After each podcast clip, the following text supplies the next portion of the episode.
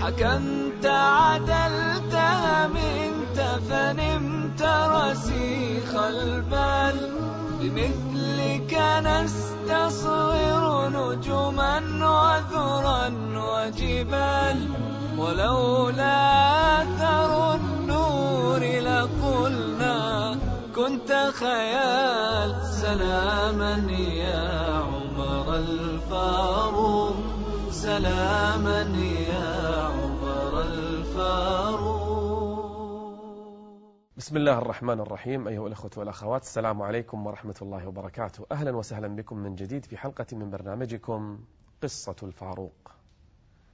تخيلوا الفاروق عمر وهو يحكم دولة الإسلام ويأتيه من خيراتها من مشارق الأرض ومغاربها فها هي الروم تفتح وها هي مصر تفتح وها هي فارس تحت حكم الإسلام وخيرات الأمم تجلب إلى المدينة خلافة المسلمين.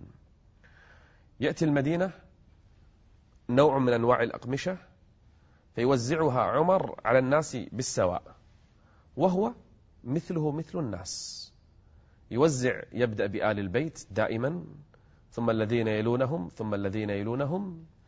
وفي مرة من المرات وزع الأقمشة على الناس فإذا بهم يرونه قد لبس قماشا أطول مما وزع على الناس. فقام يخطب يوما فقام إليه أحد أصحابه فقال له يروى أنه سلمان قال له يا أمير المؤمنين لا سمع لك ولا طاعة. قال ولم ذاك؟ لو كان حاكم غير عمر الكلمة هذه أصلا ما يجر أحد أن يقولها.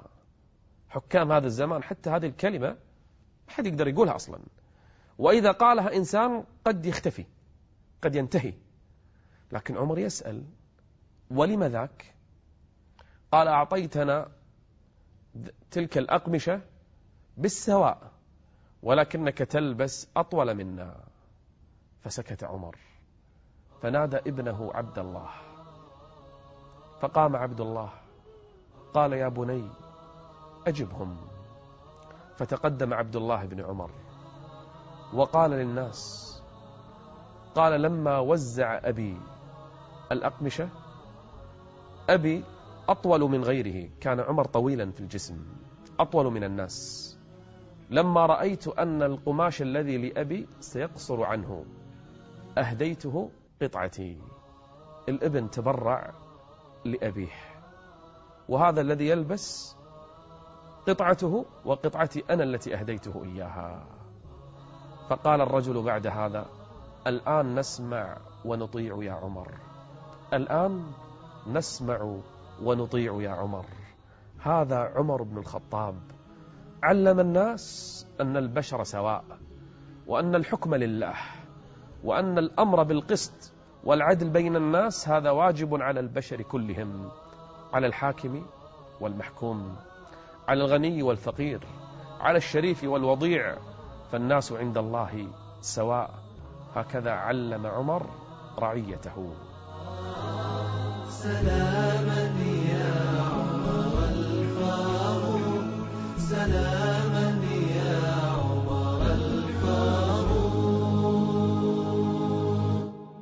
عمر رضي الله عنه ما كان يحابي أحدا أبدا حتى ولاته. الذين ولاهم على الأمصار ما كان يحابيهم. من الناس الذين كانوا يحبهم عمر سعد بن أبي وقاص المبشر بالجنة. من سعد؟ سعد ليس كغيره من أصحاب النبي صلى الله عليه وسلم. ولاه عمر ولاية.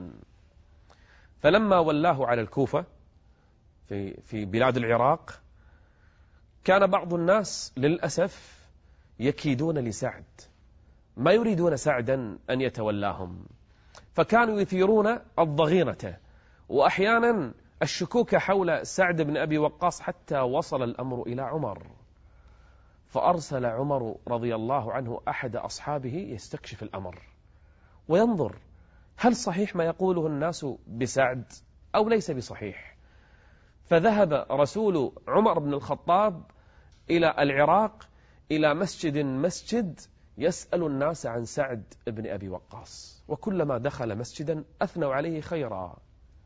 حتى وصل إلى مسجد فيه أناس لا يحبون سعدا. فقال لهم رسول عمر بن الخطاب هل ترون بأسا في سعد؟ هل تشتكون منه شيئا؟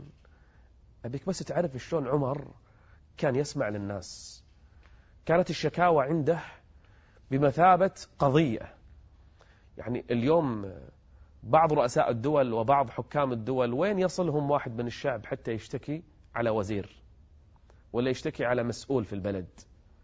وين بينه وبين رئيس الدولة وبينه وبين الحاكم مفاوز؟ من يسمع لهم أصلا؟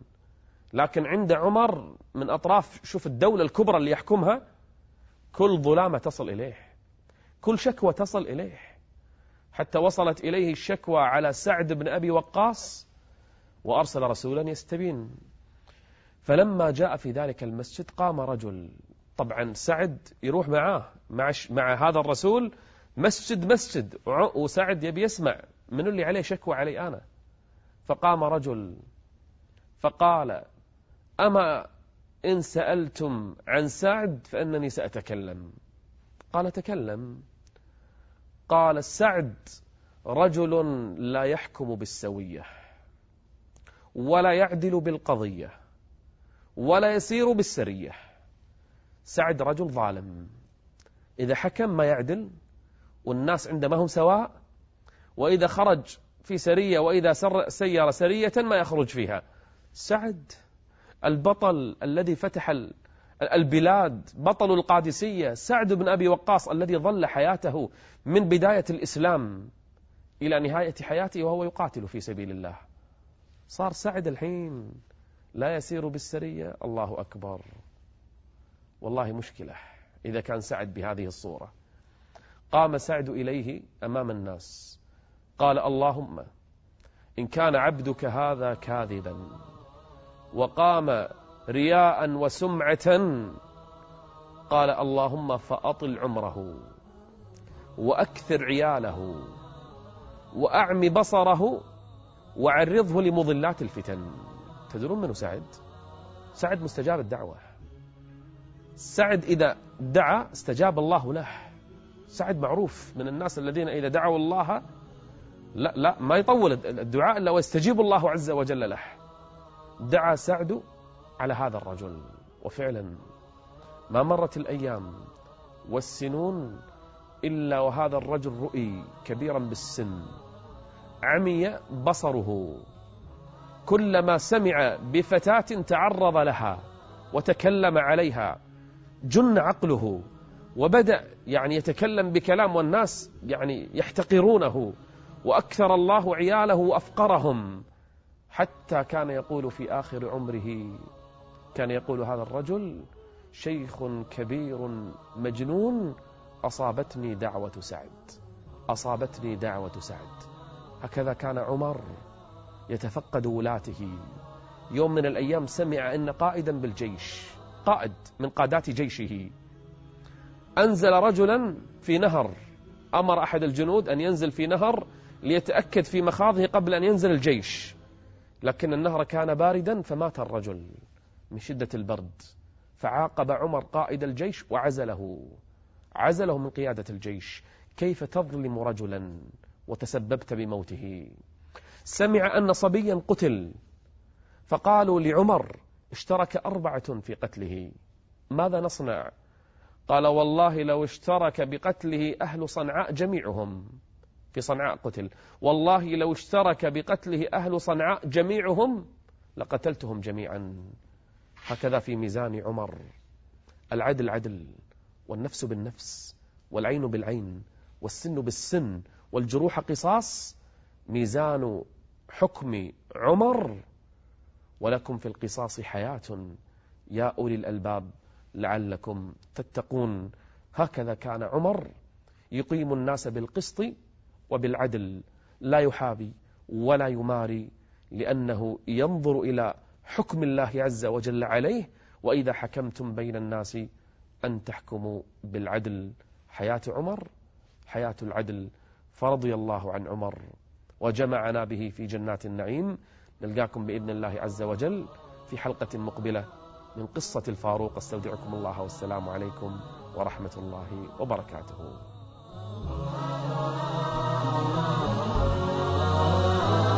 ملأت الأرض